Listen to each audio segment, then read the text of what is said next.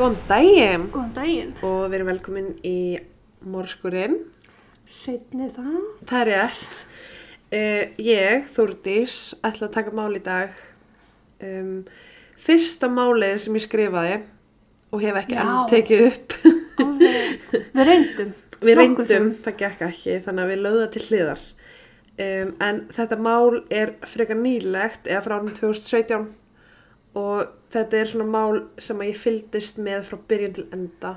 Þúrdís er eina af þeim sem að sko hangir inn á grúpum á Facebook Og ég skammast mín ekkert fyrir og það. fylgist með gangi mála í öllum málum.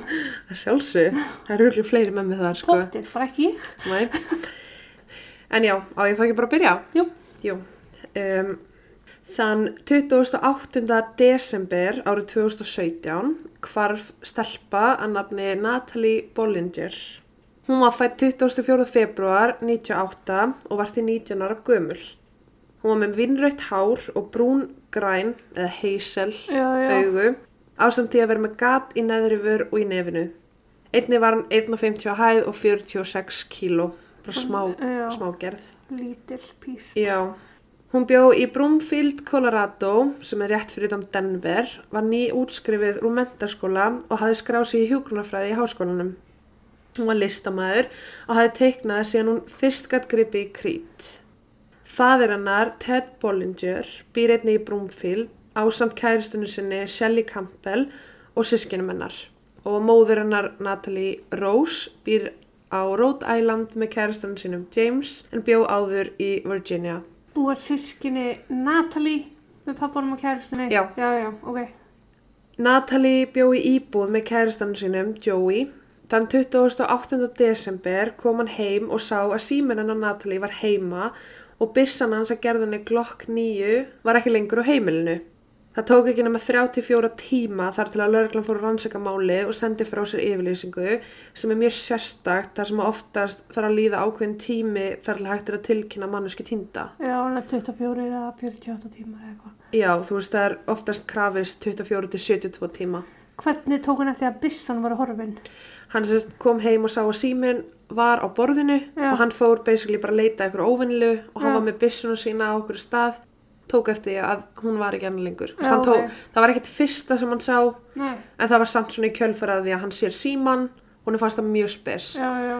Þú veist, 19 ára stelpa árið 2017 að fara út og vera ekki með síma sinn Mjög eðlegt. já en það er einmitt ástæði fyrir því að honum þótti það óvinnilegt og Ó, ég kem já. að því En nokkru vikum ára nú hvarf eða 13. desember skrifa hún færslu á Facebook síðinu sína um að hún væri með stolker að nafni Sean Schwartz. Hún skrifaði og nú quote og beinþýðing afsæki mig en hún skrifaði Hæ allir, ég er með tilkynningu. Það er maður á nafni Sean Schwartz. Ég kynntist þessu manni þegar ég var ung, rakst á hann fyrir um það byrjum tveimur árum. Til að gera langa sögstutta þá var ég vinkonans. Ég gaf honum far og svo leiðis. Ég flutti til Virginia þar sem að móðurinn er á heima. Hann kerði um landi til þess að hitta mig svaf fyrir utan vinnuna mína vikum saman. Þegar ég sagði honum að ég vildi ekki sjá hann lengur þá byrjaði hann að senda mér hundruð skilabóð á dag og ringi mig. Hann lagði bílnum sínum fyrir framann húsi mitt og læsti þjóðveginum í klukkutíma með bílflötuna á þar til hann var handtekinn. Hann hefur sendt mér tölvupost daglega í meirin ár að áreita mig. Hann gerir fjölda mismunandi aðganga samfélagsmiðlum þar til ég loka á hann aftur. Hótar fjölskyldu minni segir að hann muni fyrirfara sjálfu sér fyrir fram að mig og sendi vinum mínum og fjölskyldu ógnandi skilaboð. Ef þú fær skilaboð frá honum hunsaðan, þá hvetur hann aðeins þegar hann fær svar því hann er eins og bann. Hann er bara sækopati og ég er að reyna að laga þetta. En þetta er sérst færsla skrifið af Natalie, þannig að 13. desember, þegar hún bjó í Brúnfield og hún er sérst að segja frá þessum manni sem að er áriðana. Gæði þjóðveginu með bílnum. Já, hann bara lagði svona þvert á, þannig að enginn kemist fram hjá, bara byggt fyrir utan húsið hennar. En 22. desember fekk hún nálgunabann á hendur honum Já. og sem sagt daginn eftir 23. desember þá talar hún við fyrirhandi kærasta sinn Tim Bison Mm. hún segir honum frá nálgunabanninu og segir bara þú veist er að senda honum skilaboð og segir ef ég týnst eitthvað tímann þá gerði hann það ef ég endi eitthvað stað dáin segðu lögreglunni að það hefur verið hann og ég er ekki einn svona að grínast Stolkirinn Sean. Já. Já. og segja eitthvað svona það gefur bara til kynna að þú ert virkilega hrætt Já, já, já. Uh, hún spjallar einnig við hennar Tim vinsinn og segir honum að hún sé hrætt og hún trúi því virkilega upp á Sean að hann myndi bara ræna henni, binda henni kjallara bara til að eiga hana útaf fyrir sig. Já. Þessi fyrrandi kæristu, þau eru bara vinir líka. Já, þau eru bara- umfram- Já, Sest, nokkru dögum eftir þetta samtal sem hún átti við Tim, hann að 23. þá segir hún frá því að Sean sé strax búin að brjóta nálgunubannið af því að hann segir sérst ætla að leita Tim og pappinar uppi what? og þú veist, hann segir bara þeir séu vondi menn, þeir séu að reyna að taka hana frá honum, bla bla bla, hann er bara Bara með eitthvað, mikla ránkugmyndir. já það er mjög miklar sko. Já, varandi nálgunabannið, ég myndi halda að vera frekar erfitt að fá nálgunabann í bandarækjunum en það þarf aðeins að vera 51% líkur á því að krafan sé rétt frekar en röng sem að þýðir að þú veist, vafin er mikill What? þannig að þú veist, eins og Natalie, hún átti ótal skilabóð, lauruglu skýslur og sjón þannig að það er ekki erfitt fyrir hann að sanna þetta 51% Já, já. til að fá nálgunabann Það er svo sem alveg jákvæmt líka. Já, klálega. Uh, ef við komum aftur á Sean, þá var hann heimilislaus 42 ára maður. Hann fekk að búa í skúr hjá kunningi sínum sem á endanum banum að yfirgefa svæði þegar uppkomum hvarf Natalie og náttúrulega bara fingur beindur strax á honum. Hann er með langt skegg, hárétt um svona hliðin á höfðinu og svona sköllóttur Já. á miðju. Hann er mjög virkur á samfélagsmiðlum og eigðir mestum tíma sínum í að byrta myndbönd og heimildamindir að misnótkun barna á fósturheimilum. Hann byrtir einni TED erindi um einhverfu eða autism og er bara með live spjall að spjalla um allt og ekkert. Er það eitthvað sem hann tengi við eða? Veit ekki alveg hvað hann er að gera þarna. Nei, ok. En hann er reglulega bara fyrir live og er að spjalla um allt og ekkert. Já. Uh, í sumu af þessum myndböndum sem hann er á live þá hrópar hann á myndavélina og í öðrum er hann að reyna að verja sig gegn ásökunum sem hann hefur fengið í samfélaginu. Bara Já. hann er heimilislaus maður, þú veist, allt þetta. Og hann telur bara, hann er bara samsverðiskenningar, telur bara að fólk sé á mótunum að einhverju hluta. ok. Tveimu dögum eftir að Natalie fekk nálgunabann á hann, eða 15. desember, skrifaði hann færslu sem segir Ég er ekki að byggja þig um að elska mig lengur, ég er að byggja þig um hjálp við að fá pillurnar sem ég þarf til að drepa mig. Og þetta gæti mögulega verið eina sjálfsvíks hóturunum sem að Natalie talaði um í færslunum sinni. Ég er ekki að byggja hann um að elska sig lengur. Já, af því hún alltaf hætti að tala um hann. Já. Þetta er allt bara, uh, þessi gæi, sko. Já. 10. september, tæpum þrim mánuðum áður hún hverfur, þá skrifaði hann einni Natalie, ég vildi aðeins að besta fyrir þig, það eina sem ég vil núna er að þú farir gegnum helvitið sem ég hef lifað. Mér langar að sprengja höfuð mitt af fyrir fram að þig svo nálægt þér að þú finnur hlýjan blettin af blóðinu mínu á andlitinu einu. Ég vil að þú finnir sársöka minn því hann er þér að kenna og þér skýtsama. Þú hefðir ekki átt að þykjast. Svo segir hann, Tim Bison er skíthæll en þú tala við hann. Ég kaus að vera ekki skítur en ég er samt ekki neins virði fyrir þér. Fokkin drefti mig, þú falsa fokkin kunda. Já. Og já, þetta er bara augljóst að Natalie var ekki uppáldað hans Nei. og hún alltaf hverfur allt í hennu þannig að það er bara Allir- öll augu á Já, Sean. Um mitt. Þessi maður er bara, ef hann fær hann ekki þá fær enginn Já, hana, já, já. basically. Og hann er ekkert feimin að segja það neitt. Nei. Ef við komum aftur af sagt þessum fyrrundi kæristin hennar, sem var síðasta manneskjan til að tala við hana, Ok. Natalie, og það er sagt þetta skoða samtalið þeirra á milli 28. desember, daginn sem hún hverfur. Já. Og þau eru sagt bara að plana hana hjólatúr, þú veist, hann er á mótuhjóli, hún Já. ætlaði að koma með og sem sagt ekkert einkennlegt við það nema þau eru að plana hjólatúr og ætluðu bara að fara hjólum á mótuhjólun hans Já. og þau eru að spjalla saman hann um morgunin og sérst, hann segir við hann um 11 leitið bara, herri, ég ætla að rúnda smá, ég ætla að fá mér að borða, hringdu bara þurrt laus Já. og hún segir kl. halv tólf, bara ég þarf að sjá um nokkra hluti, heyri þér og hann bara ok svo klukkan tvö, þá er hún ekki ennþá búin að heyri honum og þá segir hann við hann bara, herri, ég ætla að gera mér hátegismat og leggja hjólinu, þú veist það er alltaf kalt Svo segir hann, ætli ég býð ekki bara eftir að þú sendir á mig þegar þú hefur tíma. Ég verðist ekki hafa mjög góða tímasetningu, tala við þér seinna. Þannig eins og hann sé smárum bitur á hún sé ekki ennþá búin að svara hann. Þetta var klukkan 2.22. Svo sérst, kemur í að hún er týnd, þannig að í milltíðinni kemur Joey heim, fattar Já. að hún er týnd og náttúrulega bara lögreglan fyrir málið. Klukkan 5.22 sendir Tim á Natalie Has she been found? sem er mjög einkennilegt. Sérst, þau eru búin að plana að hittast. Já, Uh, hún er ekki að svara honum Nei. og hann bara eitthvað herði, ok, ég er grannlega ekki nóg mikilvæg fyrir þig, eitthvað já.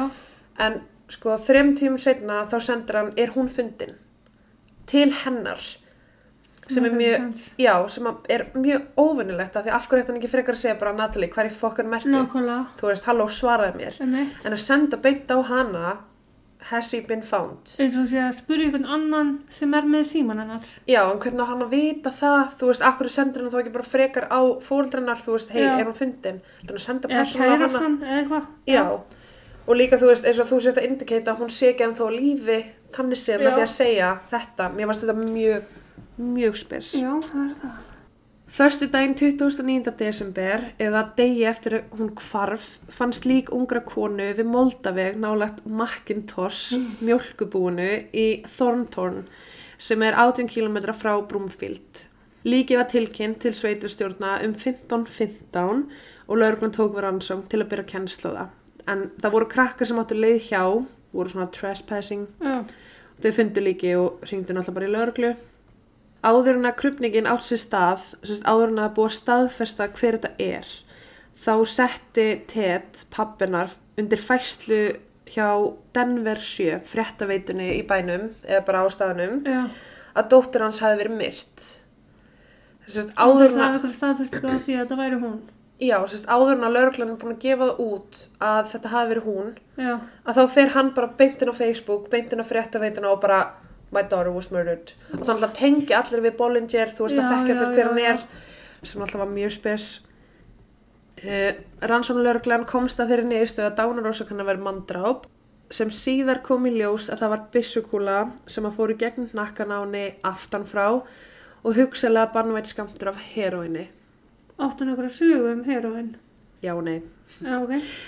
Öll augu beindust að Sean sem er ekki skrítið með allt sem þessi maður hefur gert og sagt og það er alltaf tilvírin að viku eftir að hún fæ nálgunubann á hann finnst hún myrt Og búin að segja ef, einhvað kemur fyrir Já. að kíkja á hann um eitt. nákvæmlega Fæslur hans voru mjög vafasamar sérst á Facebook eftir að tilkynnt var um andlat hennar og allt sem hann skrifa á netið á samt myndböndum var ekki hjálpunum að sanna að hann væri saklaus Nei. Sean var handtekinn 7. janúar ekki fyrir morðu á Natalie heldur vegna þess að lögreglan tók svona velferða eftirlit á honum eftir að hann hótaði að fremja sjálfsmór í bytni á Facebook. Tíu litla kengsið á manni maður. Já, hann streyttist gegn lögreglu og var því handtekinn fyrir annarstegs líkamsárás fyrir að ráðast að lögreglunni og streytast gegn handtöku. Hann var lagurinn á stopnun og þessum tíma gaf hann lögreglunni DNA sinni og afhendi tölvuna sína og síma sinn til þess að sanna það að hann væri ekki morðinginn. Eftir það var hann þurrkaður út sem grunaði maður þar sem að hann var í öðru ríki þegar morði átti sér stað og þótti þar sannað. Já, ok. Samt sem að trúð, trúði fólk því ekki á neitt hátt og hann var ennþá bara ásakaður um morðið bara af almenning. Bara mann. Bara þetta gat ekki verið tilhörinu kent. Já, ok. Ted Bollinger, faðir hennar, kom einnig upp á ratar hjá borgurum og lauruglu. Hann var með langa sakaskrá fyrir fíknefni, líkams árásir og fleira. Hann var hárgræslumæður í Brúmfield og sögursagnir í bænum voru að hann skuldaði mikla peninga. Það sem að þótti einnig undalegt við Ted er að hann útbjó svona GoFundMe síðu Já, bara til að sapna pening. Þar sem hann bað almenning um aðstóð við jarðaför Natalie og segir Natalie var tilkynnt tínd fyrir nokkur dögum og komst aldrei heim. Þessi sorglegi missir, fallir að 19 ára stúlku, hefur verið hrikalegur fyrir fjölskylduna og hann segir sjálfur Fadir hennar, Ted, er að reyna að sapna peningum til að veita litlu stelpunni sinni útföruna sem hún á skilið. Allt sem þú getur gefið mun hjálpa. Vinsalast byrði fyrir þessari elskulegu stelpu og fjölskyldunennar. Svo bætist við. Mm. Kostnar hefur farið upp í 11.000 dollara. Þeir sem að þekki okkur ekki láti mig og fjölskyldu mín í friði. Guð blessi þig. Kveðja Ted Bollinger. 11.000 Ég veist af hverju þetta segja fólki frá því hvað útfrinn kostaði. til að fá meira pening, vantalega. Já. Já, Það sem að þótti mest spes við þetta er að upphæðin sem að byggði var um byrjaði í 5.000 dólarum, hækkaði svo reglulega og endaði í 20.000 dólarum sem að er tæp 2,7 miljón íslenskar. Hann er ennþá með síðan að virka í dag og er að safna pening sko þreim áraunum eftir andlata hennar og hefur safnað um 700 dólarum hingað til sem er 973.000 Var það 700 eða 7000? 7000 Já. og eftir að ég googlaði aðeins og þá segir að útfarastofur í Colorado áætla að hefðbundi jarðaför þar sem er talið með kista og geimsla á líki og kistu Já. kosti um 8500 dólara. Þar alveg er mjög spes að hann sé að sapna alltaf 20.000 dólarum fyrir jarðaföruna. Þegar er þannig sé gert ráð fyrir að útför kosti í kringum 8500. Emmett, já, það er vat. 20.000? Já, ok. Og ef hann segir líka sjálfur uh, jarðaförun kostnarinn hækkaði upp í 11.000, bla bla bla, láti mig og fjölskyldum í friði. En hann er samt að byggja um 20.000 dólara. Mm. Hann er samt búin að viðkynna hún kostar bara 11.000. Já.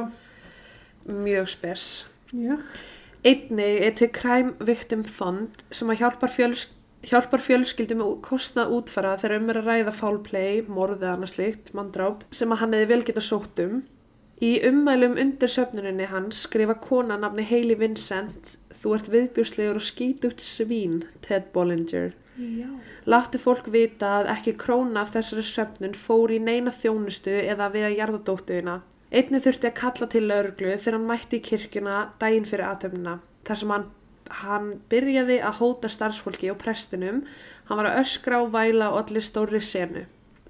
Hún er að segja þetta. Já. Svo segir hún, tilkynni þessa herrferð, hann mun svík ykkur. Hún sýnir einnig skjáskot frá ótilgreindum aðla sem að segir, mér var í raun sagt í dag að leynilega aðtöfn hefði átt sér stað sem að enginn vissi af nema móðurættin hans og Ted var ekki þar vegna þess að hann eitti öllum peningnum af GoFundMe fjármagninu í sjálfa sig. Ó, frábært. Já, þannig að báði fóreldra fengu 5 úr stali hvor úr fórnalambarsjónum til að Já. standa þessi útgjöld Já. og svo er bara hætt við jarðaföruna af því það var ekki til peningur eða þú veist Þannig hún var alltaf jörðið eða? jú, jú, jú. Já. Ok. en sérst, margir heldi þá þar fram að morðið á Natalie hafi verið tengst bara fíknefnaskuldinni hans og svo er hann að safna einhverju pening til að klára að borga upp að þeir kannski annars bara deyra hann og barna hans Standa margir held að. Skítapeð. Einmitt. Þann 8. janúar átti jarðaförun hennar að fara fram. Ted skrifaði fæslu á Facebook og tilkynnti að ekkert yrði af henni sögum peningaleysis. Útfæra þjónustan gaf frá þessu tilkynningu varandi málið og sagði að ekki náðust að fá samþyggi beggja fóreldra við útfærslu á jarðaförunni. Í tilkynningunni segir að í Colorado vera báði fóreldra að samþykja allar útfæra áallanir og fyrirkomulega kirkjuatafnar. Þeir vera einnig að koma sér saman um fyrir sem að kemur frá embætti hérasaksóknara sem felur í sér kostnað á útfarastofu kirkju og kirkjugars. Og svo segja þær einnig, við getum skrifað í allar nótt kenningar hverju við trúum og hver við taljum vera ábyrg fyrir þessu en í lók dagsins hafa lauruglu embættin, síslumannsembættin, prestar kirkjunar og stjórnendur útfarastofunar ákveðið að ekki væri hægt að ná vinalegu samkomulagi um þessa aðtöfn og því var henni aflýst. Þau eru jarða batnið sitt. Já, og hann, sagt, hann fór, sapnaði GoFundMe, fekk augljóslega pening úr einhverju svona sjóð, eitti þeim pening og svo þarna eru það jarðabannið og þau ná ekki vinalegu samkomulagi sín á milli út af náttúrulega bara peningum Já. til að jarða bannið sitt sem var myrt. Ég get ekki séð hvað er flókið, hvað þau hafa getið verið ósamála um. Nei, veist, þetta er bara, ó, þetta, er svo lítið réttlæti fyrir þessa elsku stelpu, sko. Það leita allt út fyrir að máli myndi verða ólistu máli þar til 8. februar 2018 þegar lögreglen hjælt skyndilega upplýsingafund í Brúmfield. Bara allt í einu, þú veist, það er allir búin að saka, já, það er búin að saka Sean, það er búin að saka Ted, þú veist, það er búin að saka Tim, þannig já, af þessu já. skrýtnum skilabóðum. Það var allt bara í ykkur svona lausu lofti en það var ekki hægt að gera neitt. Var tím eitthvað aðtöfaður eða? Já, já, þú veist, það voru allir og kæristinn hennar var aðtugaður, þú veist, það var bara ekkert Ég sem að fatt ekki til var þess. ekki svona að nefna hann eitt aftur. Djók. Nei, þú veist, og það náttúrulega var bara að gera rannsókn, sko, myndbansu upptökur, þú veist, gert hilt og þetta, það var bara ekkert sem að fannst. Ok. Fyrir en þarna, 8. februar 2018, þegar hún held skyndilegan upplýsingafund, uh, maður á nafni Joseph Lopez, 23 ára gamall, var handtekinn fyrir morði á Natalie. Bara maður sem við höfum aldrei heyrt um niður séð af, áður Nei. og það var allir bara, what, þú veist, hvað er að gerast? Sagt var frá því að samband hans við Natalie hafi þróast í gegnum Craigslist. ekki sem eru svo bland. Já, ég er að segja ekki spyrja í einu hvað kreikslist Já. er en þú veist, þetta er bara eins og bland.is, þú veist, þetta er vefsega til að skoða og byrta staðbundar og auglýsingar. Ekkert með, já, já. Nei, þú veist, svipar mikið til bland.is af því að allar samræður fara bara í gegnum seljanda og kaupanda. Já. Þú veist, það er ekkert sem allir sjá. En Joseph sagðist hafa svarað auglýsingu frá Natalie þar sem hún óskaði eftir leigumorðingja. Auglýsingin hennar var í raun I wanna put a hit on myself. Já, Natalie var að glíma við fíknefnavandamál og þunglindi og benti vinur hennar á að hún hefði sögum sjálfsvíks hugsanir og náttúrulega pappin er ekkert eitthvað besti maður í heimi. Nei, Uh, Joseph sagði lögreglunni frá því að hann hafi svarað þessari auglýsingu með það í huga að tala hana af því að binda endalíf sitt. Hann held því einnig fram að hún hafi skotið sér sjálf en sönnunagögg sögðu annað þar sem hún var, já, hún var skotin úr fjarlægð og aftan frá þannig að það var bara ekki möguleiki á því að hún hafi gert það sjálf. Já, sko fjarlægð. Já, Einni, það var ekkert byssupúður á höndunum hennar sem að gefa til kynna að hún hafi ekki verið í nánd við byssuna þegar það var skotið af henni. Þrátt fyrir að hann hafi haldið fram að það hefði verið tilgangur hans að svara þessari auðlýsingu, það, veist, munir raun enginn vita með vissu hvað samband þeirra var, fyrir utan yfir 100 SMS skilabóðar sem fóru þeirra á milli. Hann keiriði með hana tímum saman, neitaði að ringja í neyðalínuna, niður að gera eitthvað í málinu og hefði því alltaf verið meðsökur í málinu, saman að hún er sko að segja það ekki. Já, ok, það er hann, já, Það það er eru- já. Já, það eru sérst lög þannig að ef að á þessu stað, ef að ég, já, ef að ég skuttla þér í banka og þú rænir hann, þá er ég meðseg og ég er dæmt. Bara þrátt fyrir að, já, bara þrátt fyrir að ég hef bara skuttlar og ekki vita eins og hvað þú var að fara að gera. Veist, Og það er einmitt með þetta, þú veist, hann hefði alltaf verið meðsegur fyrir að hafa, hann átti alltaf hluta máli. já, Í bílferðinni reyndi hún einnig að finna það út hvernig hún geti borgað honum fyrir ómakið að sér satt drepana. Þetta er náttúrulega hitmenn þannig að hann væntalega að fá greiðslu fyrir það. já, samt mjög skrítið. Mjög. Hann sagði frá því að þau báðu saman til Guðus eftir að hafa fundið mjólkubúið, Macintosh, jólamólarnir Uh og eftir, að, já, sérst, og eftir hennar ósk skaut hann hana, þá skaut hann hana Já, og tók eignir hennar með sér. Mm, Þetta gerði sama dag og líst var eftir henni, sérst 28. desember. Bara að hann samdags, hún bara Já. fór út og lit skjóta sig. Já.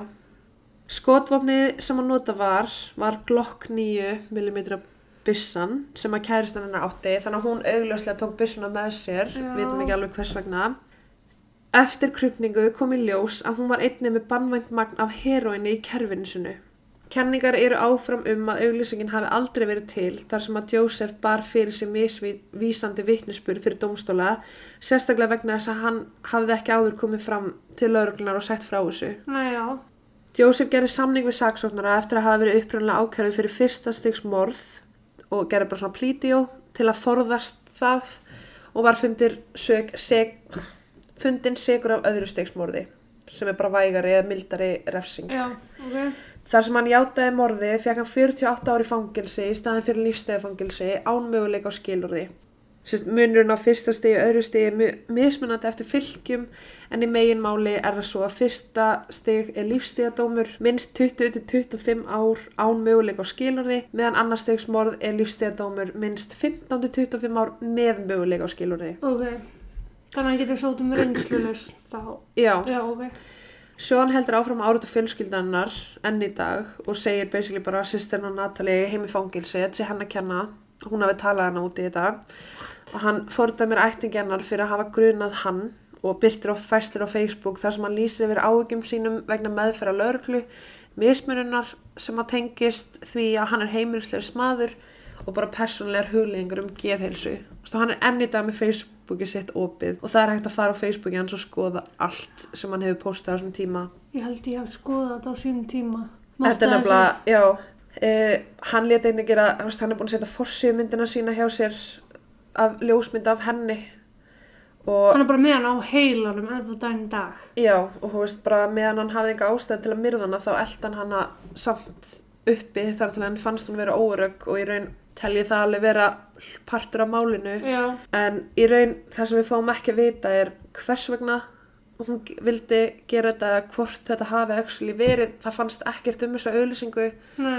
og það sem ég finnst mest spes við þetta er að þessi Joseph, hann vann á Dominos og átti bara litla peninga og náttúrulega hann sér bara, I wanna put a hit on myself og hugsa bara, ok, ég er að fara að fá geggjaðan pening fyrir þetta en þú veist það sem ég finnst svo ótrúlega spes, ef hann gerði þetta fyrir peninga Fekk hann borgað? Nei, af því Nei. að þau voru í bílnum á leiðinu að plana hvernig hún ætti borgunum og hann skýtur hana og við hverju býst hann að pappinar sé bara að fara að senda honum umslag eftir viku og þakka fyrir þetta Þú veist, hann fekk ekki einu svona peningin og þar er svona liggur svona grunnurinn á að þetta hafi kannski ekki verið akkurat svona Já, Heldur mögulega Hann hefur allan ekki átti miklu vandra með að framkoma þetta. Nei, og svo er líka, þú veist, kannski tók hún byssuna með sér að því hún er náttúrulega bara hrætt við Sean og það er líka kenning um það að hún hafi farið og hitt hennar gæja sérst, til að kaupa honum fíknefni eða til að taka með honum fíknefni, eitthvað svoleiðis. Já. og hann hafi mögulega reynt við hana, þú veist, eitthvað svona dæmi enda með því að hann bara skaut hana. Mér finnst það líklar heldur en... Já, eða þetta hafi tengst einhverju fíknefnaskuld en þú veist, það sem að fólk finnst mjög ólíklegt jújú, jú, hann er búin að viðkenda Já. allt þetta, veist, það er engar staðfestar upplýsingar um þetta Craigslist dæmi, nema bara sem hann segir Hann fekk út að það vægar dóma, ekki? jú, Já. en hann, hann fekk ekki einu svona borga fyrir þetta Nei. og hann bjóst ekki einu svona við því að fá borga fyrir þetta eftir á af því hver á að borga þannig að af hverju var hann að skjóta hana frítt. Ef, þetta, ef hann var bara dóminastarfsmæður sem vandaði pening. Víst að hann draf hana, Já. hann hitt hana hennan dag en það er samt óvíst hver ástæðan var. Hvort þetta hafi verið kreikslist hvort þetta hafi verið fíknefnaskuld hvort hann hafi reynt við hana. Af því að sko hún var rosalega sætt stelpa. Hann ekki svo sætur. Nei. þannig að þú veist það er líka eitthvað svona kenningur um að hann hafi bara verið einfari. Var hafi- aldursmunur á þeim. uh, já nei, sérst, hún er 19 ára og hann er 23 Já, ok. uh, þú veist, ég trúi þess ekki alveg með að hann hafi finnst svo hæpi og hún hafi, ef auglýsingin finnst heldur ekki. Nei, hún hefur aldrei fyndist, það hefur aldrei verið neina staðfestingar um það, nema bara sem hann segir að hann hafi fyndið þessu auðlýsingu. En þú veist, það er alveg víst að hann draf hana og Sean hafði ekkert með þetta að gera, Já, þrátt fyrir að hann var náttúrulega Hann átt hefur alveg sinn klárlega parti að hræðana. Já, og vanlíðan en þú já, veist, já, ég held allan að það sé ekki allt úr sögunni sagt, nei, klárlega ekki. en við En munum aldrei fá að vita það. Þú veist, ok, það var ekkert staðfest að það var hægt að neyta fyrir það. Fyrir, Þú veist, gæt kreglist verið bara eitthvað, nei, þú veist, hún postaði aldrei neina inn. uh, nei, þú veist, í rauninni var bara að tala um að það hefði verið eitt Mm. og þetta sé þá bara horfið sem, sem ég finnst náttúrulega bara mjög spes Já. ég er alltaf að vera að tala um að allt fylgir okkur á netinu Nákvæmlega, en þú veist hvort þetta hafi verið á okkur svona dörk dark web, já, Já. ég veit það ekki en ég rauninni bara ekkert meira að fara út í þetta Craigslist dæmi nefnum bara það að hann sagðist að hafa fundið hana þar og hún hafi alltaf að borga honum fyrir þetta en akkur gerði hann þetta ekki bara sjálf já. og af hverju fór hún að hitta hennar gæja og rúnda með honum og af hverju ef hún tók bannvænan skamta heroinni sem að hefðu endan drepa hana Mm Af hverju láta skjóta sig?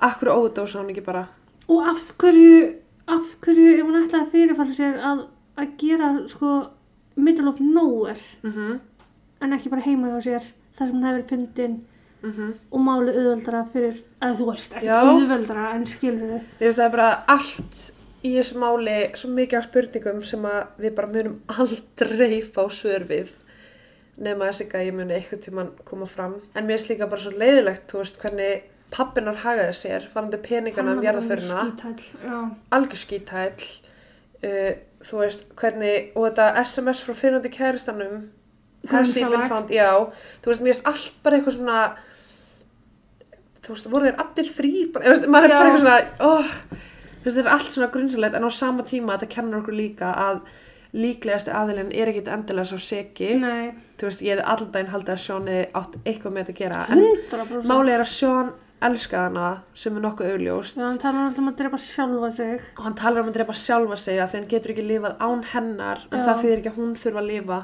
ekki Sérstaklega því Hans. hann getur ekki lifa án hennar þá hefur hann ekkert erinda að drepa hana. nei, nákvæmlega en hann er ennþá bara ótrúlega skrítin í dag og creepy Já. og ef ég myndi eitt hitt hann þá myndi ég hörgulega hlaupa í burtu sko. þetta er ekki beint maðurinn sem allir er eitthvað að hrópa húra fyrir. Nei, þú veist ekki. Nei, en já, það er allan að ekki mikið meira að segja um þetta mál nema bara þetta er fór eins og fór og mikið af spurningum sem við getum ekki svarað eins og er. Vonandi einhver tíman. Já, mér langar rosalega mikið að vita hvers vegna. Ef gæðin grætti alveg neitt á þessu. En meira var það ekki í dag og ég bara stutt og laga gott, Já, létt og laga gott smjör, getur sérstaklega létt og laggott, en allan og stutt. já, En þá bara takk fyrir okkur og við sjáumst næsta minnvíkudag. takk og bless. Takk og bless!